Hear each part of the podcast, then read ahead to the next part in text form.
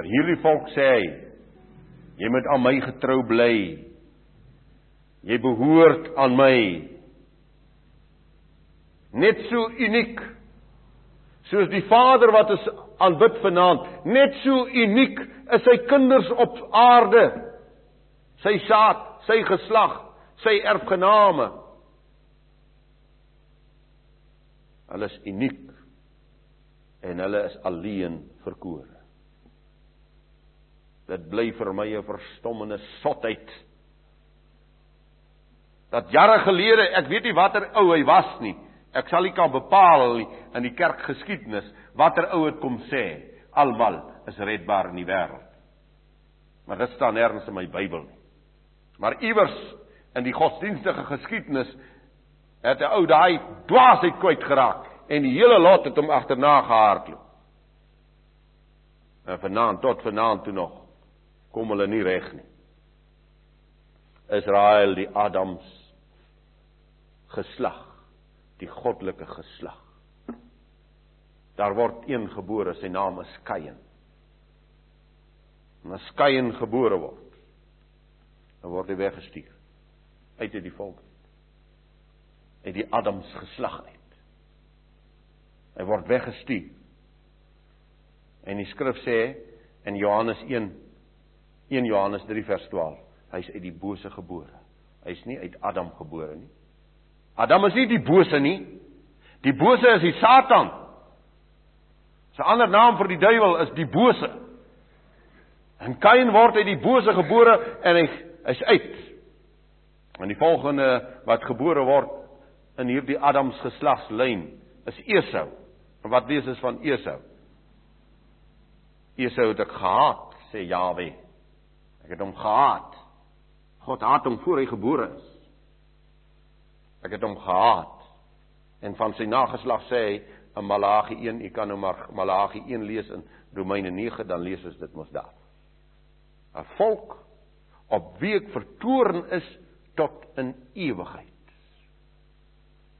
En die volgende een wat op die lyn gebore word, is Ismael. En Ismael is ook uit die lyn uit. Hy word genoem die een uit die vlees gebore. Galasiërs 4. Ismael is uit die vlees gebore. U sien dus uit die bose onder die toren uit die vlees. Maar nie uit die bloed en nie uit die wil en nie uit die vlees van God. Unieke volk wat Jahwe vir hom plant op hierdie aarde Malagi 2 vers 15 En met hierdie unieke volk alleen tree hy in die huwelik sluit hy 'n ewige verbond.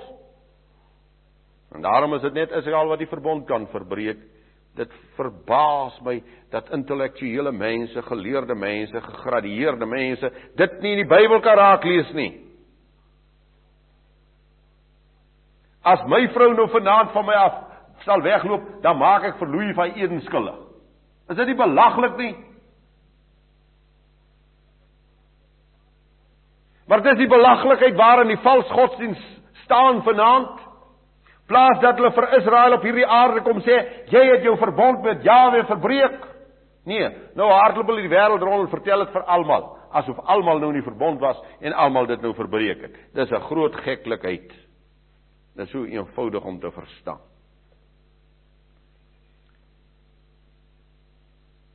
Die volk van die Ou Testament het hierdie verbond verbreek.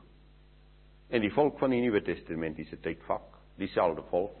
Hulle herhaal wat hulle voorgeslag gedoen het. Hulle verbreek weer die verbond. Die ou volk het hulle gaan vermeng met die heidene, die nuwe volk of die Israelitiese volk van die Nuwe Testamentiese tyd gaan vermeng hulle weer met die heidene. Hulle het dit vroeër gedoen en wat was die gevolge? Vreeslike smart en ellende vir hulle. In Jerusalem se strate word die wit Israeliet meisies verkragt deur die heidene. In die strate van die blank stede van Suid-Afrika op die op die weë van hierdie land word die blank meisies verkragt deur die barbare van Afrika. Dieselfde volk, dieselfde geslag en dieselfde tragedie. En hierdie suiwer wit ras luister wat ek sê. En dis net hierdie suiwer wit ras wat kan verbaster. Niks anders kan verbaster. 'n Baster kan mos nie verbaster nie. Hy kan net nog slegter word, ja. Maar as dit die wit ras wat mos kan verbaster. Nou waarom sê hy praat hierdie Bybel van die basters wat nie in my vergadering mag kom nie en waarom praat hierdie Bybel van hulle wat ver, vermengde bloed in hulle het wat nie teenwoordig mag wees wanneer die volk van God voor sy aangesig verskyn. Verskriklike gevolge van 'n volk wat so uniek geroep is, uitverkore is, begenadig is en wat sy lyn verloor. Wat sy lyn verloor. Enige regdenkende blanke vanaand in Suid-Afrika sit met hartseer in sy hart. Sit met groot smart in sy binneste. Ek sal tog nie klaar kry met die boodskap van vanaand nie. Kom ons lees wat gebeur wanneer Isak vir Jakob seën Genesis 27. Ek het nou vanaand weer my nuwe Bybel, nou kry ek hierdie bladsy so maklik nie. Uh Genesis 27 vers 29.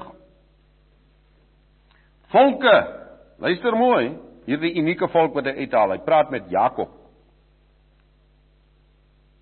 Volke sal jou dien. En nasies voor jou neerbuig. Wees 'n heerser oor jou broers en die seuns van jou moeder moet hulle voor jou neerbuig. Vervloek is hulle wat jou vloek en geseënd is hulle wat jou seën. Jy moet baie mooi luister wat hier staan en dan gaan kyk u die geskiedenis. Hierdie swart barbare en basters en goeters wat julle ook al wil noem in Suid-Afrika, was hulle geseënd solank hulle gebuig het voor die wit man. Ja, hulle was geseënd. Jy sal sien hulle vrek soos muskiete nog. Hulle was geseënd solank hulle gebuig het. En die oomblik wanneer hulle teen teen die wat by Jawe skuil opstand sal kom, moet jy sien wat gaan gebeur. Ek wag rustig. Ek wag rustig op my Vader se optrede want hy gaan optree. Eers moet hierdie wat dan nou saam met hulle wil sit en saam dans, hulle moet nou maar eers die goddeloses van sy volk moet eers vernietig word, so sê die woord. Dis smart, maar dit moet kom, sal kom. Maar wanneer daardie suiwer volkie bymekaar staan, wil ek graag sien wat gebeur as hulle uh, betrokke raak met met hierdie volkie van Jawe. Praat van Jawe se uitverkorenes in die wêreld. Baie sal probeer, min sal ingaan. Ons moet dit altyd onthou. Ons moet nooit na getalle kyk nie. Dit gaan nie om getalle by die Vader nie. As dit vir hom om getalle gaan, maak hy van die klippe vir hom kinders. Maar dit gaan om egtheid, dit gaan om suiwerheid, dit gaan om korrektheid.